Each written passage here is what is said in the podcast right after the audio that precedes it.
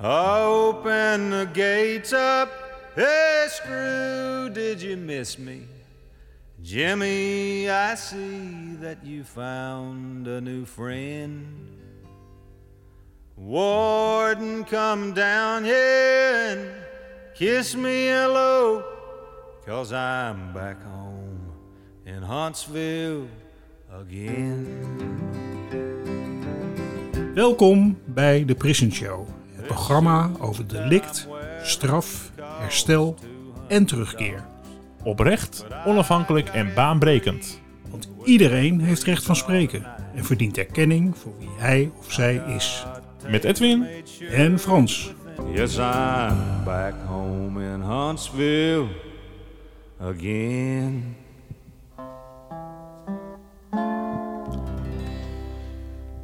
Welkom weer bij een nieuwe podcast. En dan eh, zeggen we goedemorgen, goedemiddag, goedenavond of goedenacht.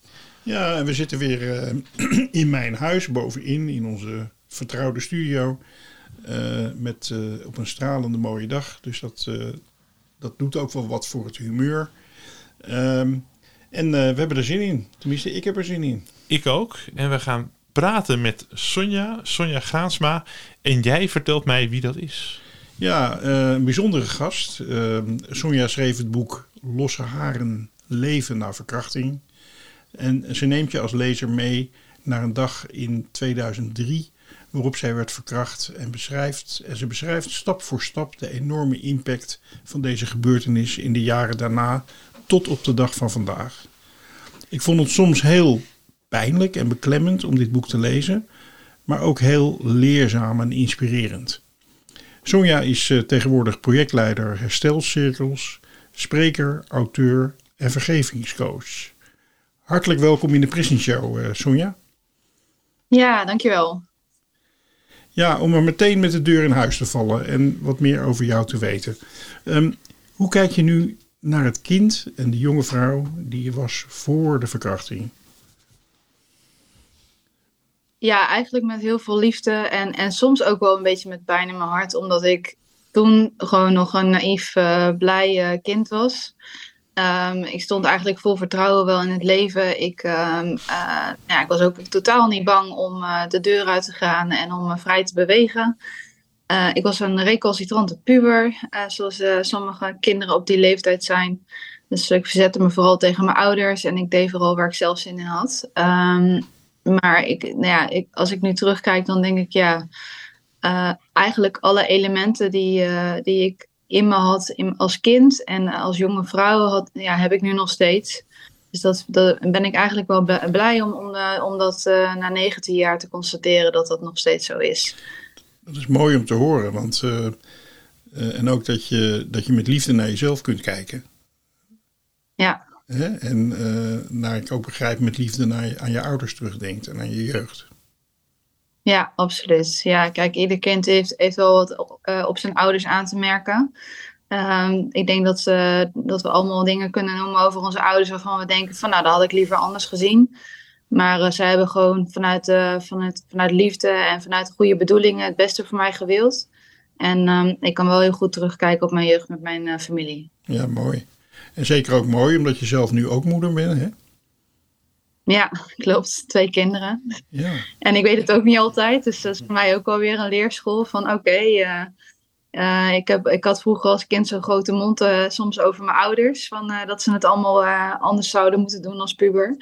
Maar nu denk ik van nou, het is wel, soms ook wel zoek hoor. En, en iedereen vindt wat en iedereen heeft een eigen methode. Maar ja, je, je doet je best en meer kun je niet doen. En hoe oud zijn je kinderen nu? Ehm, eentje wordt volgende week zes, dus die is nu vijf en de andere is tien. Oké. Esmee is eh, zes en uh, Saf is, is eh, of bijna zes en eh Saf is tien jaar oud. Ja. Dat is een leuke leeftijd. Het zijn mooie leeftijden, maar in ieder geval de puberteit moet nog, de echte nog puberteit komen. moet nog komen. Dus Ja. daar wensen we jou alvast sterkte mee. Hè? Als, ze een Ja, beetje op jou, als een beetje op jou lijken. Ehm, Ik ben er voor, ja. Ja, eh, tijdens het lezen van het boek, hè, om, ehm, eh, ik raakte enorm onder de indruk van hoe ongelooflijk hard je hebt gewerkt om door te kunnen leven eigenlijk. Hè? Want zo mag je het wel formuleren. Ehm, er is heel veel gebeurd en je hebt heel veel gedaan. Ehm, mensen moeten daarom zeker het boek kopen en lezen. Maar kun je, in je, kun je de luisteraar meenemen in de belangrijkste fases van jouw herstelproces? Want zo kunnen we het wel noemen, denk ik. Ja, um, nou ja, goed. Ik, ik, wat, mij overkomen is, is ik was 20 jaar oud en ik, um, um, ik ben s'avonds laat ben ik van mijn vriend naar huis gefietst en ik ben uh, ja, van, van mijn fiets uh, afgehaald. Er is iemand voor mijn fiets gesprongen. En dat, uh, ja, dat bleek iemand met slechte bedoelingen te zijn. Hij had een, een, mes bij zich en hij heeft mij op een plek, een stuk van de weg af, heeft hij mij verkracht.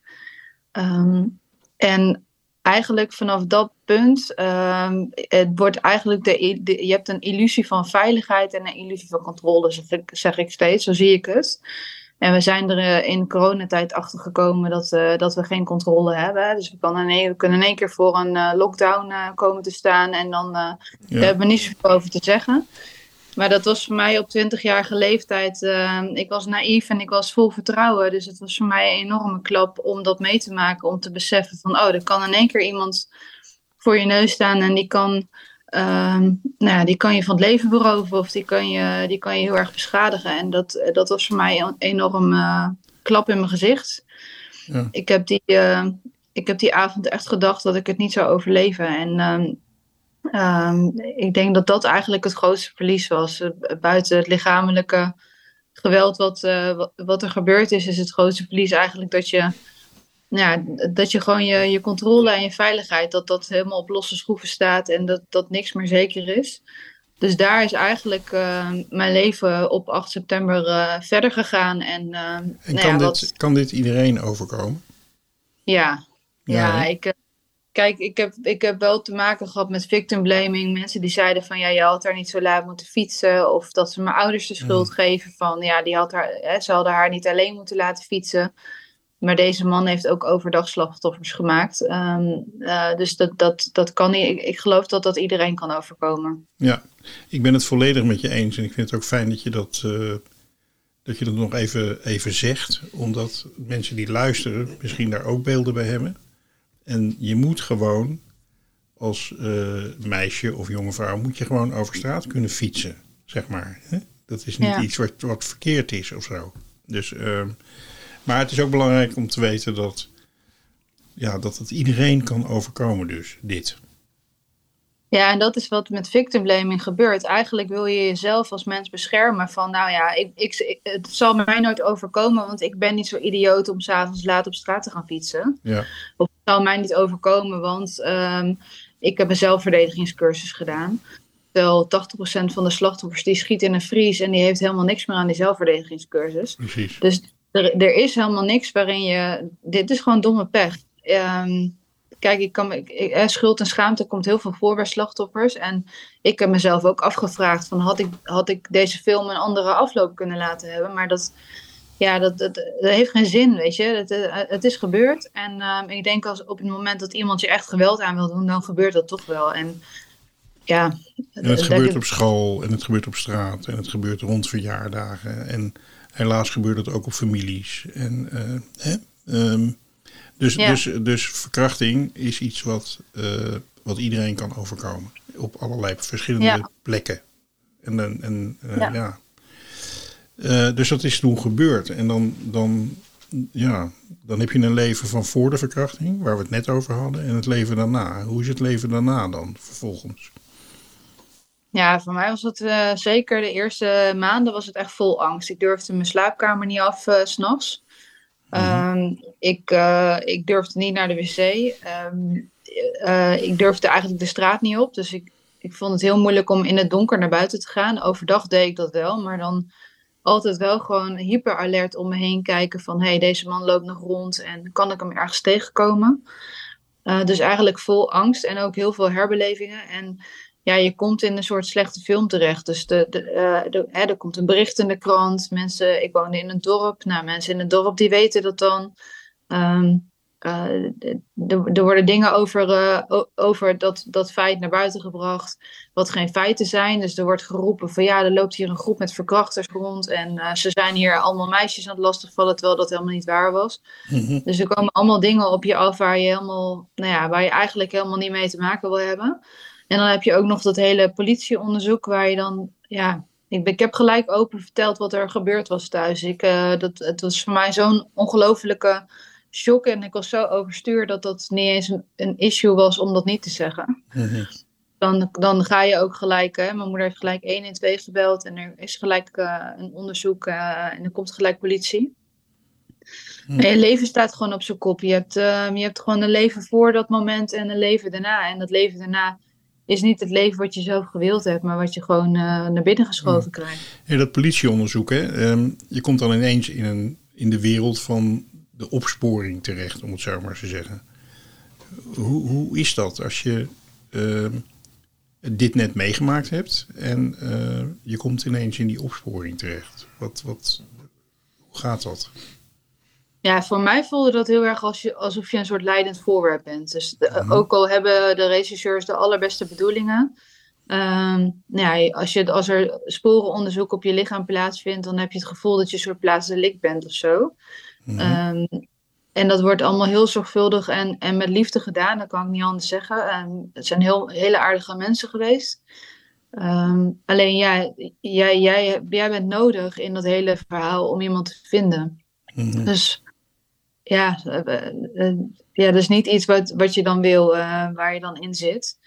En je, je krijgt gewoon heel veel dingen op je afgevoerd. Hè? Dat, die rechercheurs die, die gaan zoeken en die proberen aanknopingspunten te vinden.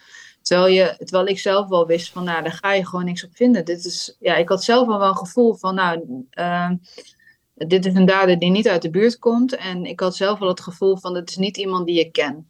Mhm. Dus voor mij was het heel logisch om uh, op opsporingsverzocht een, een, bericht te plaatsen, maar dat gebeurde niet.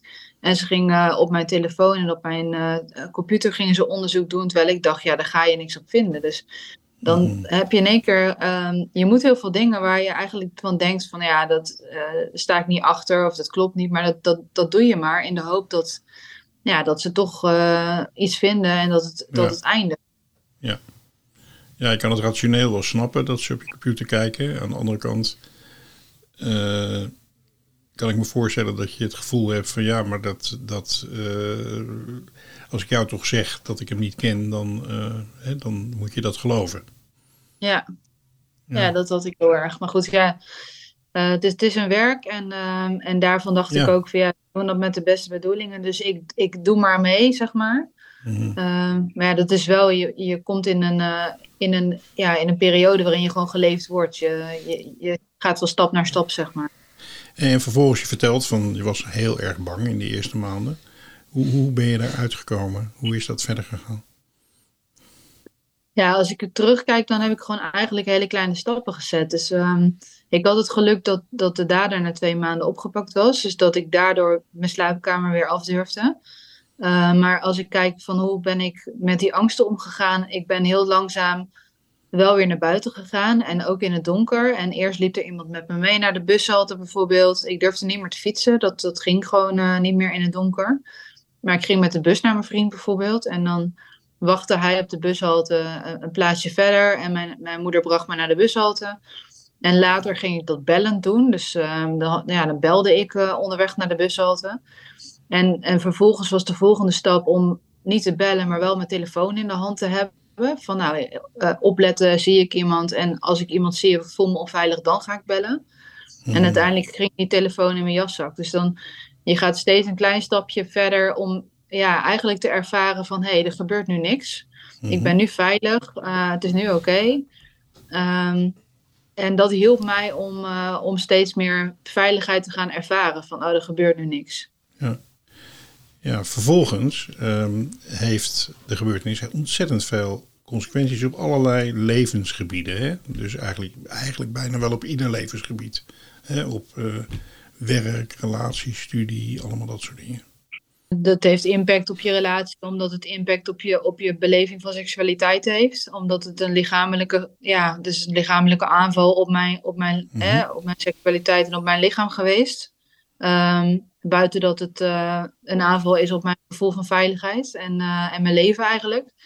Ehm, dus mijn beleving van seksualiteit werd anders. En, uh, ja, en die angsten namen gewoon een heel grote sprong in mijn leven. Dus ik probeerde op een gegeven moment wel verder te gaan met mijn leven. Ik ben een jaar na de verkrachting ben ik gaan studeren. Mhm. ondanks dat de civiele procedure toen nog liep en nou ja, alles met, op de achtergrond met het juridische proces liep nog door ik ben gaan studeren en ik, ik vond het bijvoorbeeld heel moeilijk om ehm, in de vroege uren colleges te volgen. Want dan betekende dat ik om zeven uur de deur uit moest in het donker. Um, nou ja, toen de winterperiode. Nou, dat is heel lastig om. Ik vond het heel lastig om mezelf veilig te voelen en om die stappen te zetten. Dus ik was eigenlijk continu bezig met hoe ga ik om met die angsten, zodat ik wel de dingen kan doen die ik wil doen. Uh, maar niet te veel die angsten hoef aan te kijken, zeg maar. En ik was eigenlijk nog niet echt klaar voor therapie op dat moment. Ik, uh, ik heb wel wat geprobeerd. Ik heb toen EMDR geprobeerd, maar ik had geen klik met de behandelaar. Mm dus ik kon, ik kon daar eigenlijk niet zoveel mee. En het was voor mij een beetje roeien met de riemen die je hebt of zo in die periode. Ja, dat is in die zin ook heel veel consequenties natuurlijk voor jou, maar ook bijvoorbeeld financiële consequenties en dat soort dingen.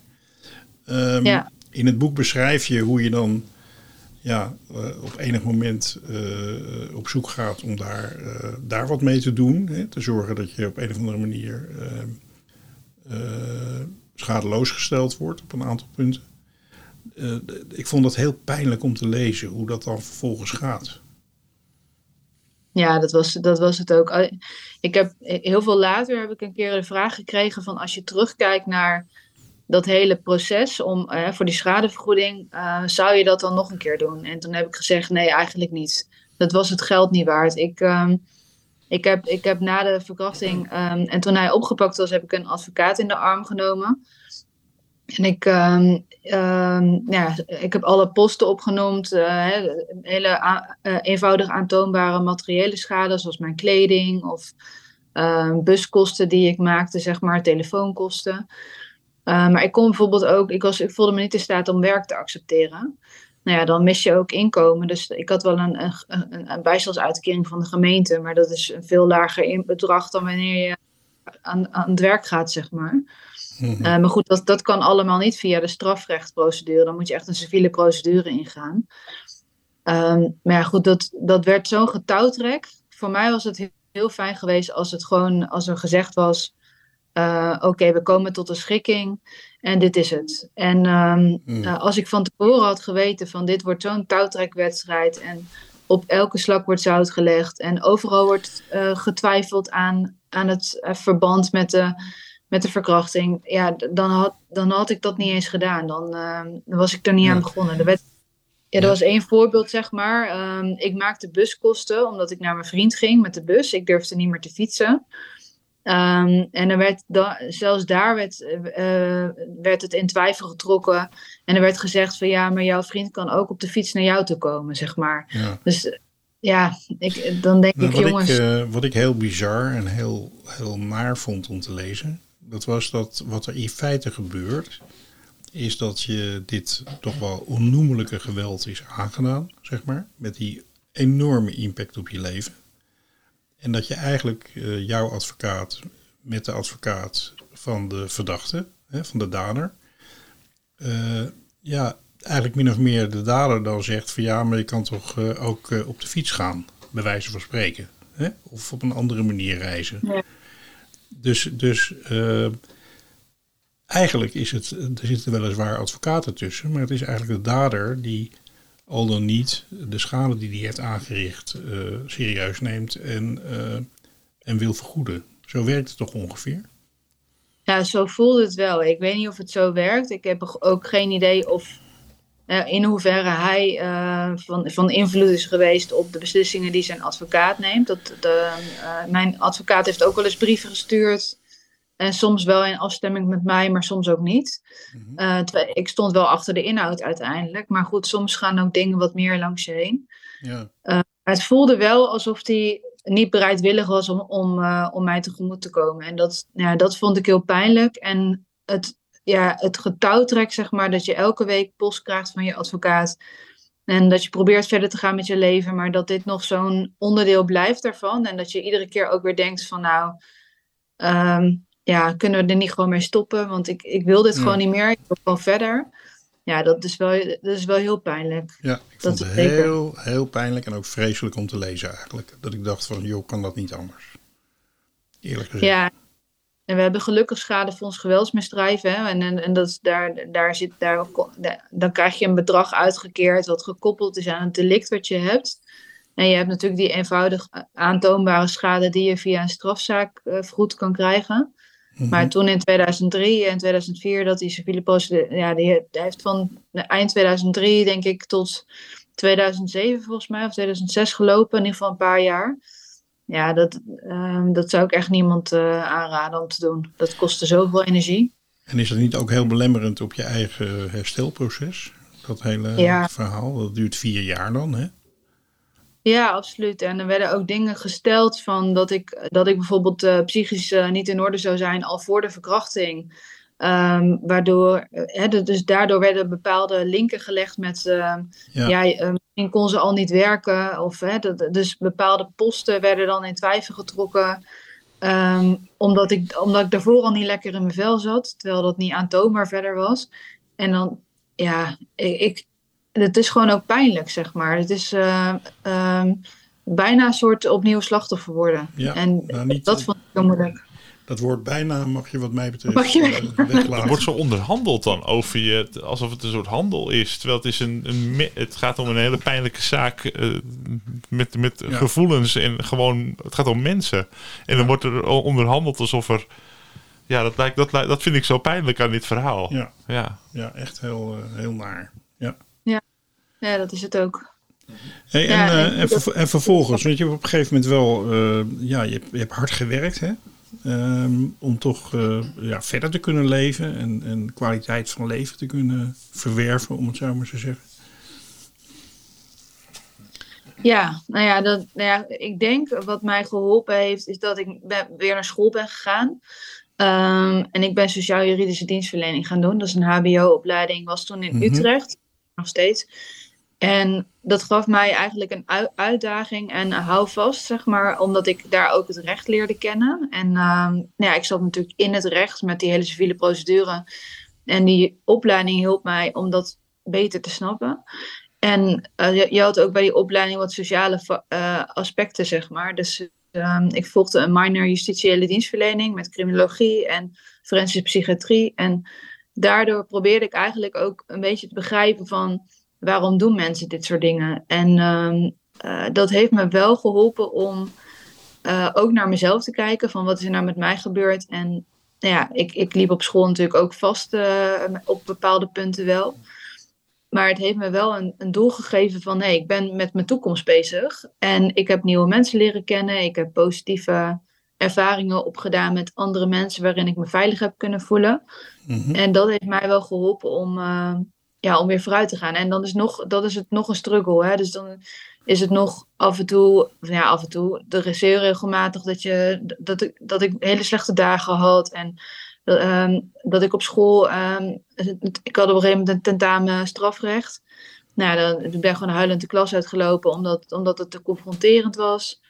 Uh, dus er zijn wel bepaalde momenten geweest dat ik echt dacht van, nou, ik, waarom ben ik dit eigenlijk aan het doen?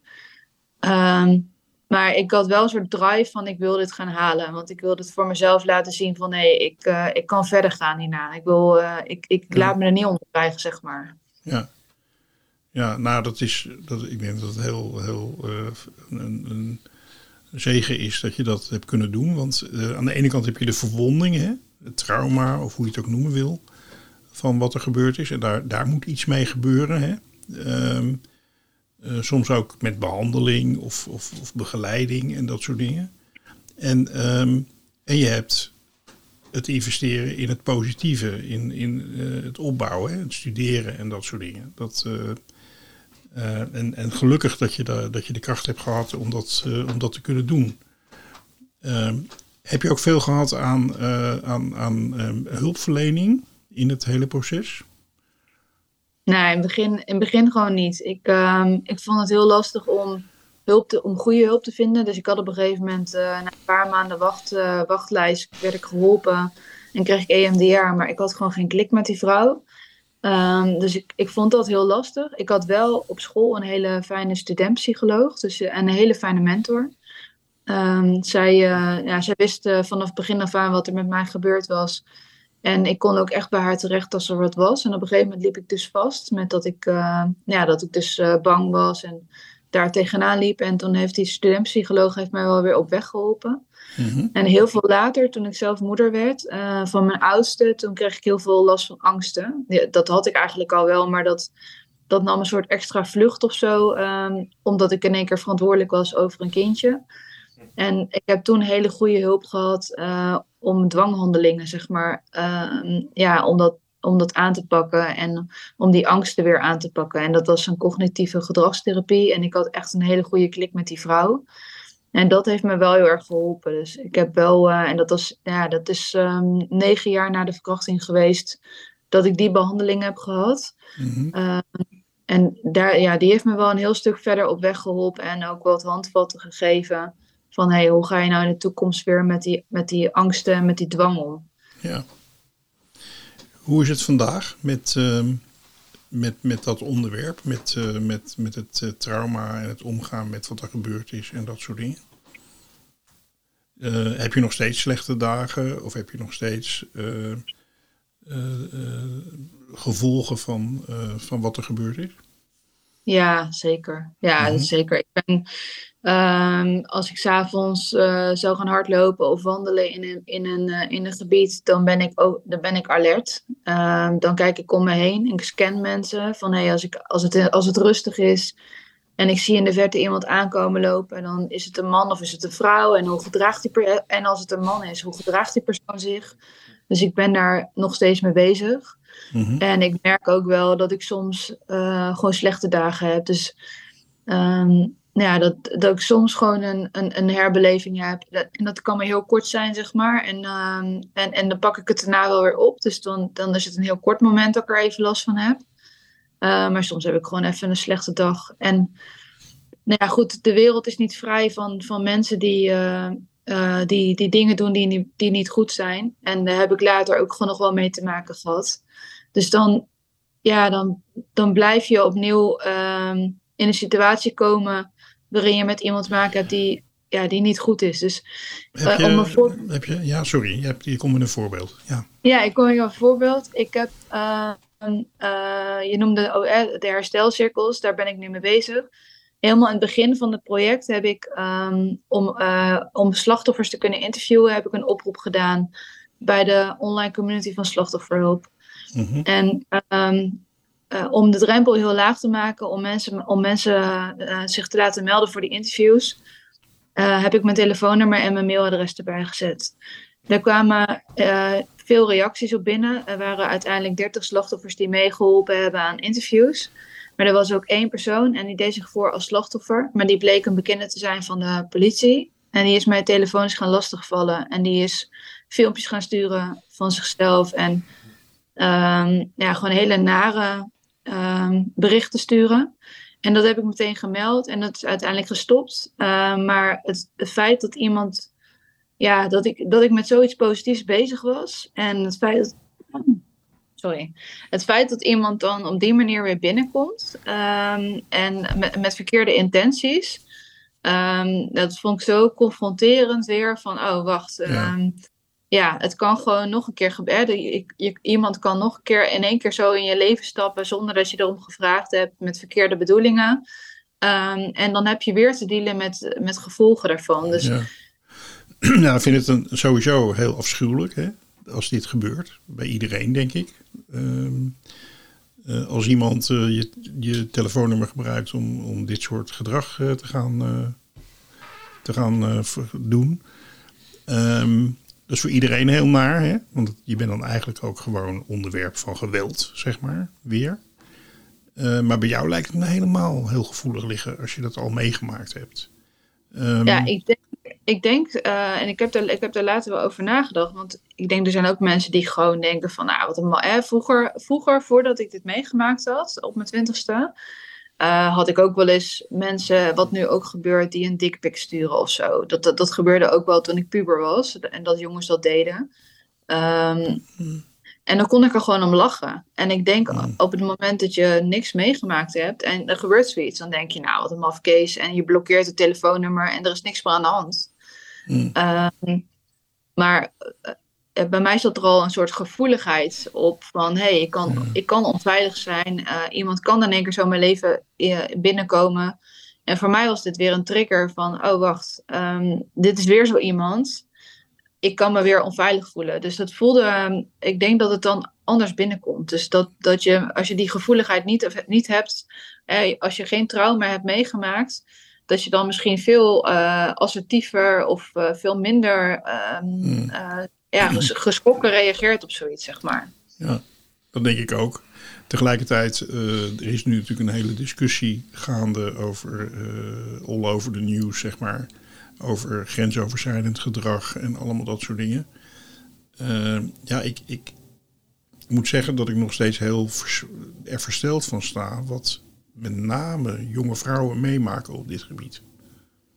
Ja, heel veel. Ja, dus, nou ja, Jij noemt het al van, goh, als iemand een dikpik stuurt, uh, dan denk je van, oh, mafkees en dan blokkeer je hem. Maar ik, ik moet dan nog even terug naar het moment van, hé, hey, hoe haal je het in je hoofd om iemand een dikpik ja. te sturen, weet je wel? Ja. Ik bedoel, op je telefoon, dat is toch heel, uh, uh, je komt toch wel echt in de persoonlijke sfeer van iemand terecht. Op een hele nare manier. Maar goed. Um, ja dat is zeker. En ik heb dat ook op heel veel manieren meegemaakt op straat. Dat je nagefloten wordt of dat je aangesproken wordt. Of, nou ja, ja. ik heb er zoveel vormen van meegemaakt. En ik ken zoveel vrouwen die dat hebben meegemaakt. Dat het Precies. bizar is dat, het, dat je het bijna normaal gaat vinden dat Precies. het gebeurt. Precies. Ja. Hey, even in het algemeen, hè, uh, over wat je geholpen heeft en je belemmerd heeft. Wat ik, wat ik heel erg begrepen heb van jou, is wat, wat heel erg geholpen heeft, is dat je uh, zelf je leven bent gaan oppakken met studeren en allemaal dat soort dingen. En je hebt gelukkig ook goede mensen ontmoet, uh, ook op die opleiding die je daarbij ondersteund hebben.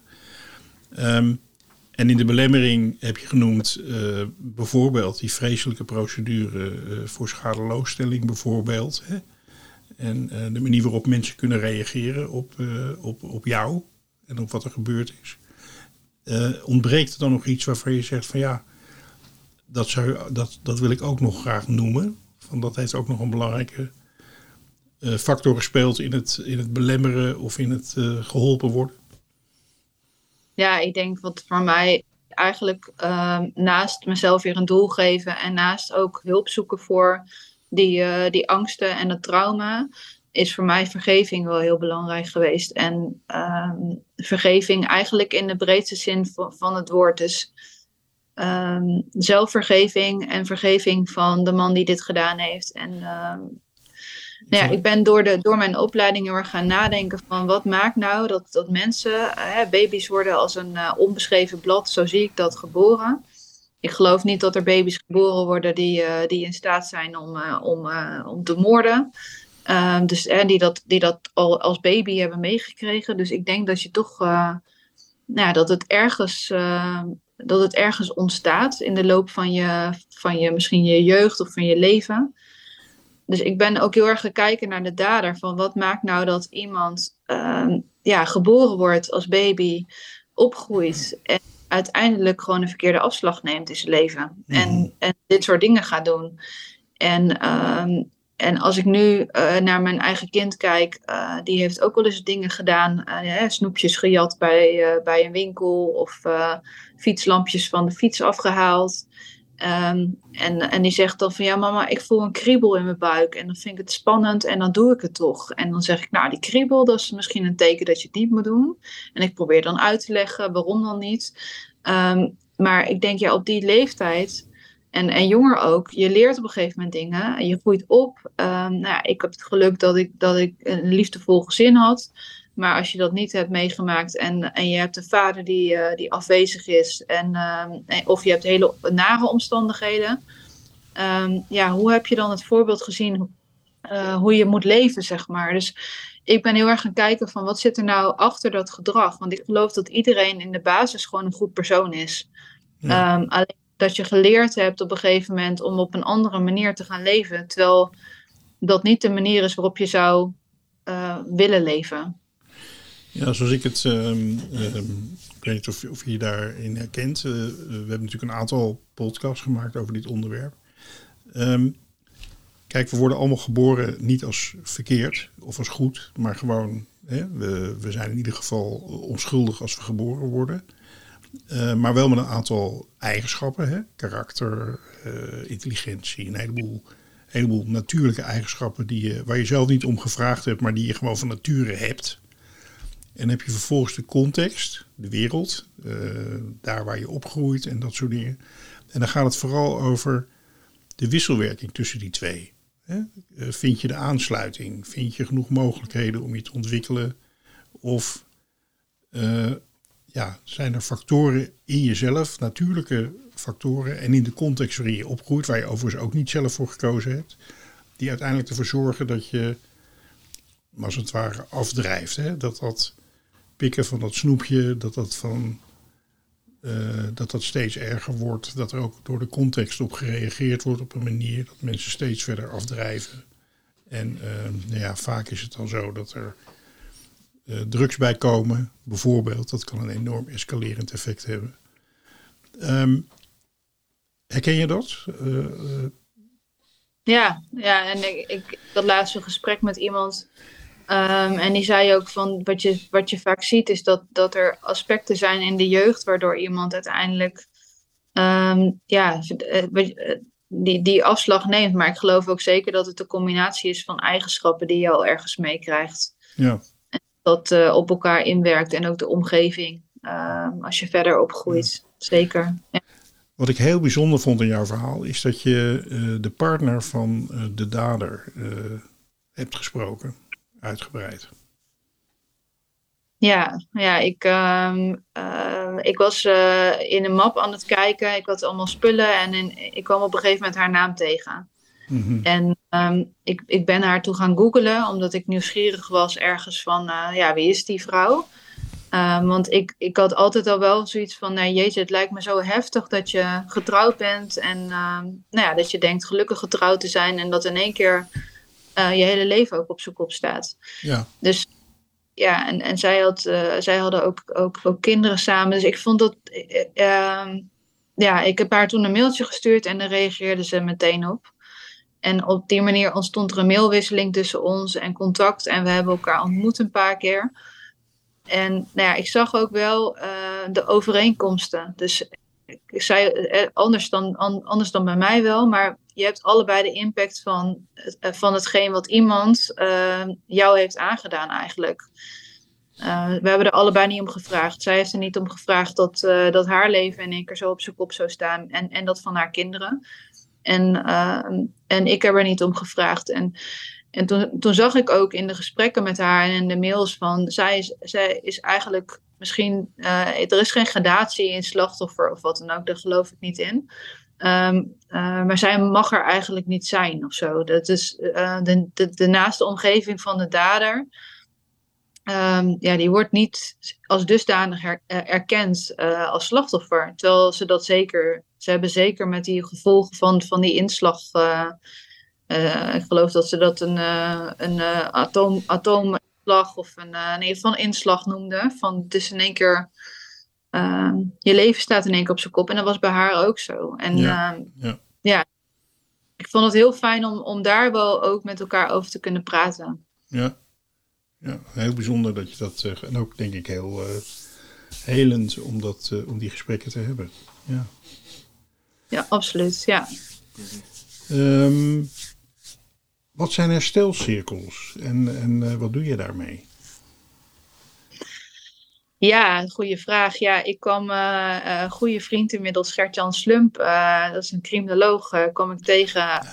Hij is ook in de Prison Show geweest hoor. Zag ik, ja, ja. zag ik. kwam ik tegen een paar jaar geleden op een congres. Ik heb een paar jaar geleden al mijn verhaal in een boek uitgebracht. En, en recent opnieuw, omdat, omdat mijn uit, uitgever ermee stopte.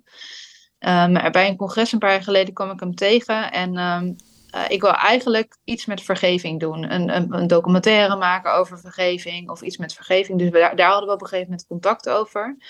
En toen kwam hij met het verhaal over, er is een, uh, er is een, plan om uh, een project, je kan een projectaanvraag indienen bij Stichting Achmea Slachtoffer en Samenleving.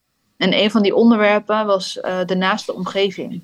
Mm en toen dacht ik, ja, hoe was dat eigenlijk voor mij? Welke, welke steun heb ik gehad van mijn naaste omgeving? En uh, wat heb ik daarin gemist? En nou ja, ik heb eigenlijk alles gemist. Ik voelde me heel erg alleen na wat ik meegemaakt had. Ik vond het moeilijk om met mijn ouders te praten. Ik zag dat mijn ouders verdriet hadden van wat mij overkomen was. Um, mijn ouders stonden ook allebei op een andere manier in in, deze, in, in dit verhaal. Dus mijn vader die, uh, nou, die, die, had, die, die had wel vertrouwen in van ja, dit is wel, hè, eh, God heeft het met een reden op, op haar pad gebracht. Het is verschrikkelijk, maar dit zal een doel hebben en ze komt hier goed uit. Um, en hij zei later ook uh, van ja, ik vond het ook moeilijk om jou vragen te stellen. Want ik wist niet of ik het dan weer verder bij jou ging aanbakkeren en of je daar dan last van zou hebben. Dus hij zei, ik kon ook niet echt vragen aan jou stellen, want dat durfde ik niet. En mijn moeder, die was gewoon nou ja, compleet overstuur. Die, was, die had er echt heel veel last van. En die, uh, nou, die, heeft, die wilde ook weten wat is er precies met, met Sonja gebeurd. Um, en die wilde wel heel graag met mij praten. Maar ik vond het heel moeilijk om met haar emoties te dealen. Um, dus één op één dacht ik van, oh god, als ik met haar ga praten en ik zie dat ze verdrietig, verdrietig wordt daarvan, dan kan ik dat eigenlijk niet aan, want ik weet zelf niet eens hoe ik er zelf bij zit. Dus... Ik, ben, ik ben zelf uh, vader en opa overigens ook.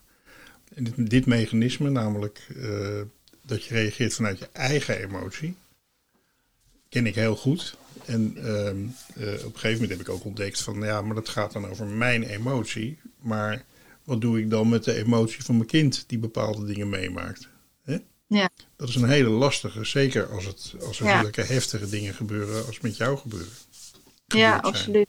Ja, ik kan me voorstellen. Dat, ja, dat is het, dat is het zeker. En, en ik was heel veel later, mijn ex-partner is in behandeling geweest bij, uh, bij, bij Solutions, dat is een verslavingskliniek. En daar hadden ze een heel familieprogramma. Dus daar was voorlichting voor de naaste omgeving met een educatiemiddag over wat is nou verslaving en wat is nou de impact van verslaving op nou, jou als naaste, dus als partner of als moeder of als vader of als kind van, van degene die daar in behandeling was. En die educatiemiddag vond ik heel prettig, want je kon vragen stellen en je kon ook andere naasten ontmoeten. En ze hadden in dat familieprogramma ook familieavonden.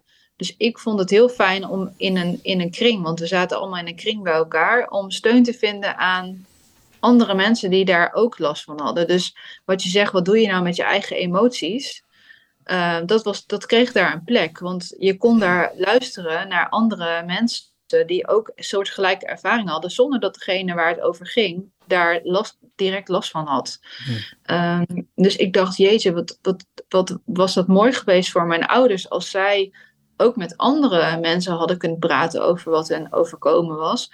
Als ze voorlichting hadden gekregen over wat is nou uh, seksueel geweld en wat is nou trauma, wat is nou PTSS en wat zijn de lange termijn gevolgen en hoe kun je passend reageren, hoe kun je iemand goed ondersteunen um, en hoe ga je met elkaar verder, zeg maar. Dus dat sociale steunsysteem um, met dat familieprogramma daar was heel erg goed ingeregeld. Mm -hmm. uh, er waren ook, uh, ook gesprekken met, met de naaste omgeving en een counselor, dus eigenlijk was daar een beetje het idee voor herstelcirkels geboren. Van hé, hey, waarom is dit er niet voor slachtoffers van seksueel geweld? Um, en hoe kunnen we zorgen dat het, ja, dat het er wel komt? Dus dat er wel, ja, omdat je juist je naaste omgeving zo nodig hebt in je, in je eigen herstel. En je naaste omgeving ook wil herstellen van, wat, ja. ja van de impact. Dus dat, dat is eigenlijk de basis van de herstelcirkels.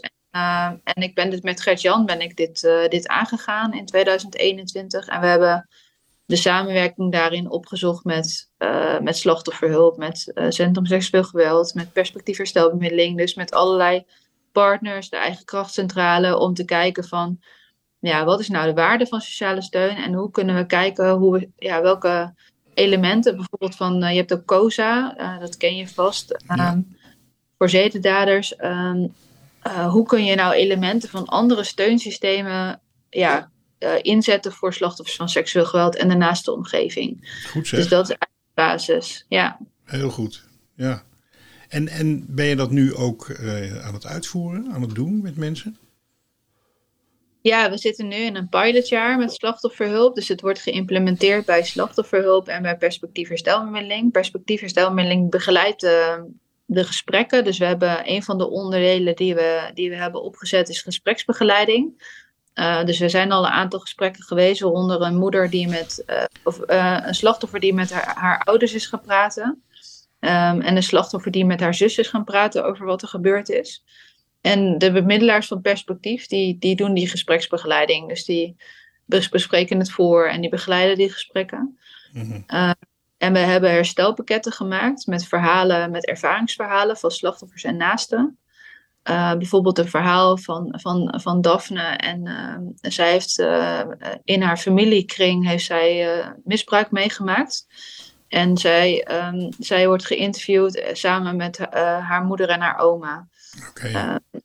en zo'n verhaal ja, kan anderen weer steun geven van hey, ook voor de omgeving, de familie, als er zoiets in de familie gebeurt, dat heeft een enorme impact. Hoe ga je als familie verder? Nou ja, zo'n verhaal kan dan um, erkenning, herkenning bieden aan mensen die dat lezen. En ze krijgen ook in die herstelpakketten wat handvatten. Dus dat, is, dat vind ik ook heel, uh, heel mooi. Dus er zitten gesprekskaartjes in. En uh, we hebben een pakket voor naasten gemaakt en een pakket voor slachtoffers. En in het pakket voor slachtoffers zit ook een armbandje bijvoorbeeld als, uh, als gebaar van steun.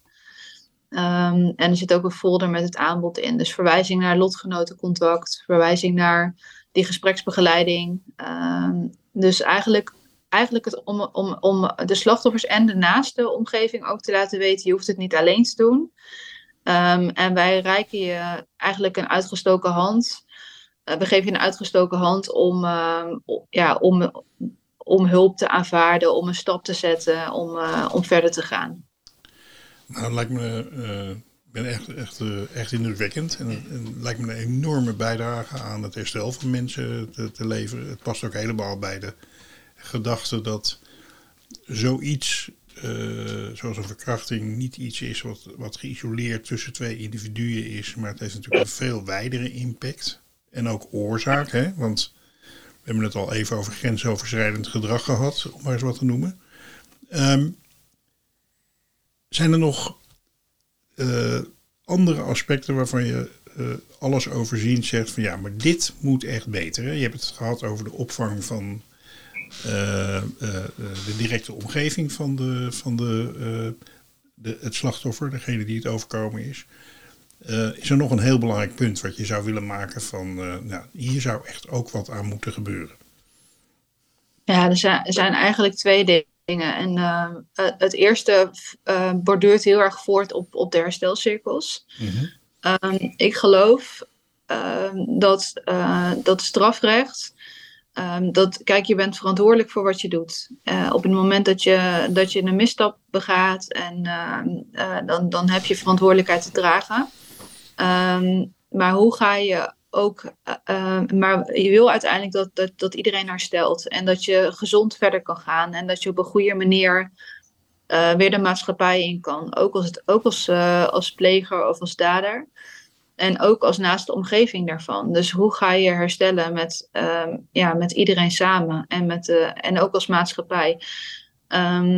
En ik geloof heel erg in de visie die uh, Gert-Jan uh, daarin heeft. Dat dat herstelcirkels breder is dan alleen maar slachtoffers en naasten. En herstelbemiddeling is er al. En uh, daar heb ik zelf, dat heb ik zelf ook mogen ervaren vorig jaar. Heb ik een gesprek met de dader gehad. Dat vind ik ontzettend waardevol, omdat je dan. kijk, slachtoffer-dader is heel erg ehm, dualiteit. Dualiteit is dat je tegenover elkaar staat. Is dat je hè, goed, of goed, en, goed en slecht. Ehm, dus, ja. En als je op een gegeven moment met elkaar in gesprek gaat, dan kom je veel dichter naar elkaar toe en dan kun je uiteindelijk samen verder gaan. Um, dat hoeft niet in de vorm van vergeving of, of verzoening of wat dan ook. Um, maar er, er kan wel meer menselijkheid komen in zo'n gesprek. En dat vond ik zelf heel waardevol. En dat zie ik ook terug in de. Ja, ik heb ook um, Recht in de Ogen, die serie gekeken. Ik ja. heb uh, de documentaire Als ik je zie, dan goed ik je gezien.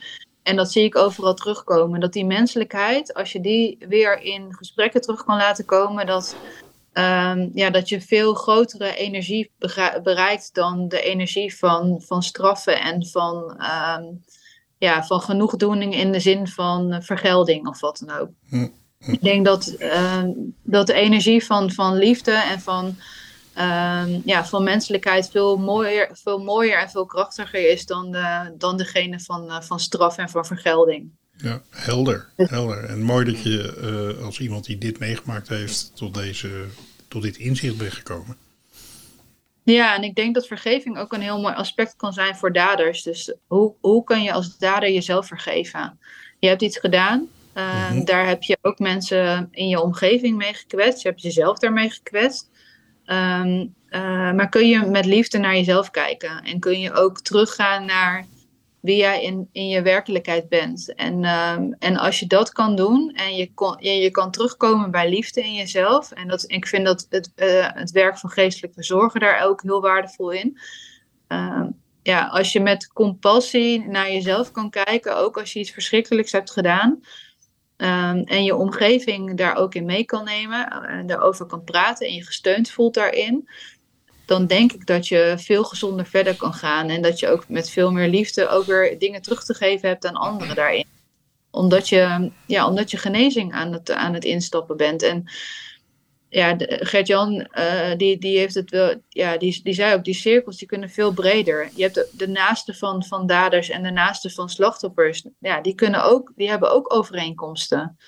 Um, je hebt ook de maatschappij, uh, de, de, de, de, de, um, uh, de omstanders. iedereen is eigenlijk een omstander of een naaste van iemand. Dus iedereen kent, kent wel een, een, een, een slachtoffer of iedereen kent een dader. Dus we zijn allemaal omstanders. En ik denk dat als we daar meer in kunnen betekenen, in, in herstel en, en meer menselijkheid erin brengen, dat, uh, ja, dat we een veel vreedzamere samenleving in, instappen. Maar goed, ik merk uh, door de interviews die ik gedaan heb, heel recent, dat dat, uh, ja, dat dat nog niet een heel zelfsprekende reactie is in de maatschappij. Dus dat vergeving of verzoening of, of überhaupt in gesprek gaan met een dader of naar een, naar een dader willen luisteren, um, dat dat nog veel vraagt. Maar ik denk, ja, je moet ergens beginnen. En ik geloof dat we al bezig zijn. Um, ik vind Jacques Klaassen ook ontzettend inspirerend. Gert-Jan ook. Heel veel mensen hierin. Dus ik vind dat heel mooi. Dus als, nou ja, dat herstel in de breedste zin van het woord zou ik heel mooi vinden. En het andere punt waarvan ik echt denk, als dat er is, dan zouden we een hele, hele grote stap kunnen zetten, is um, uh, gewoon echt één plek waar alles samenkomt. Dus niet meer, daar zit het Centrum Seksueel Geweld, daar zit de politie, daar zit slachtofferhulp en daar zit, daar zit een advocaat. En dat, dat je echt een centrum hebt waar alles fysiek bij elkaar zit. En waar je lotgenotengroepen hebt. En waar je ontmoetingsplek hebt. En wat 24-7 open is, waar je binnen kan lopen. Dus dat je de loketten van al die organisaties op één plek hebt. En um, dat je niet uh, als slachtoffer maar moet gaan zoeken en moet gaan lobbyen van waar moet ik zijn. Nee, alles is op, op die plek voor jou aanwezig. Helder, helder. Nou, ik denk dat je al heel erg bezig bent met. Uh, ik vind dat je het heel, heel goed en mooi uh, formuleert. En ik denk voor de luisteraars, wie iemand ook is en wat hij ook gedaan heeft in zijn leven. Ik denk dat dit voor iedereen een hele, hele goede, goede boodschap en een mooi verhaal is.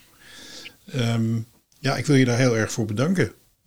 Dat je, ja. dat je bij ons was en dit verteld hebt. Uh, ik denk, uh, ik ben heel blij met, dit, uh, met deze podcast en met het verhaal wat je vertelt. Want ik denk dat het, zoals je al zegt, voor heel veel mensen relevant is in een tijd waarin vergelding uh, heel vaak de boventoon voert. Als, als je mensen over deze onderwerpen hoort.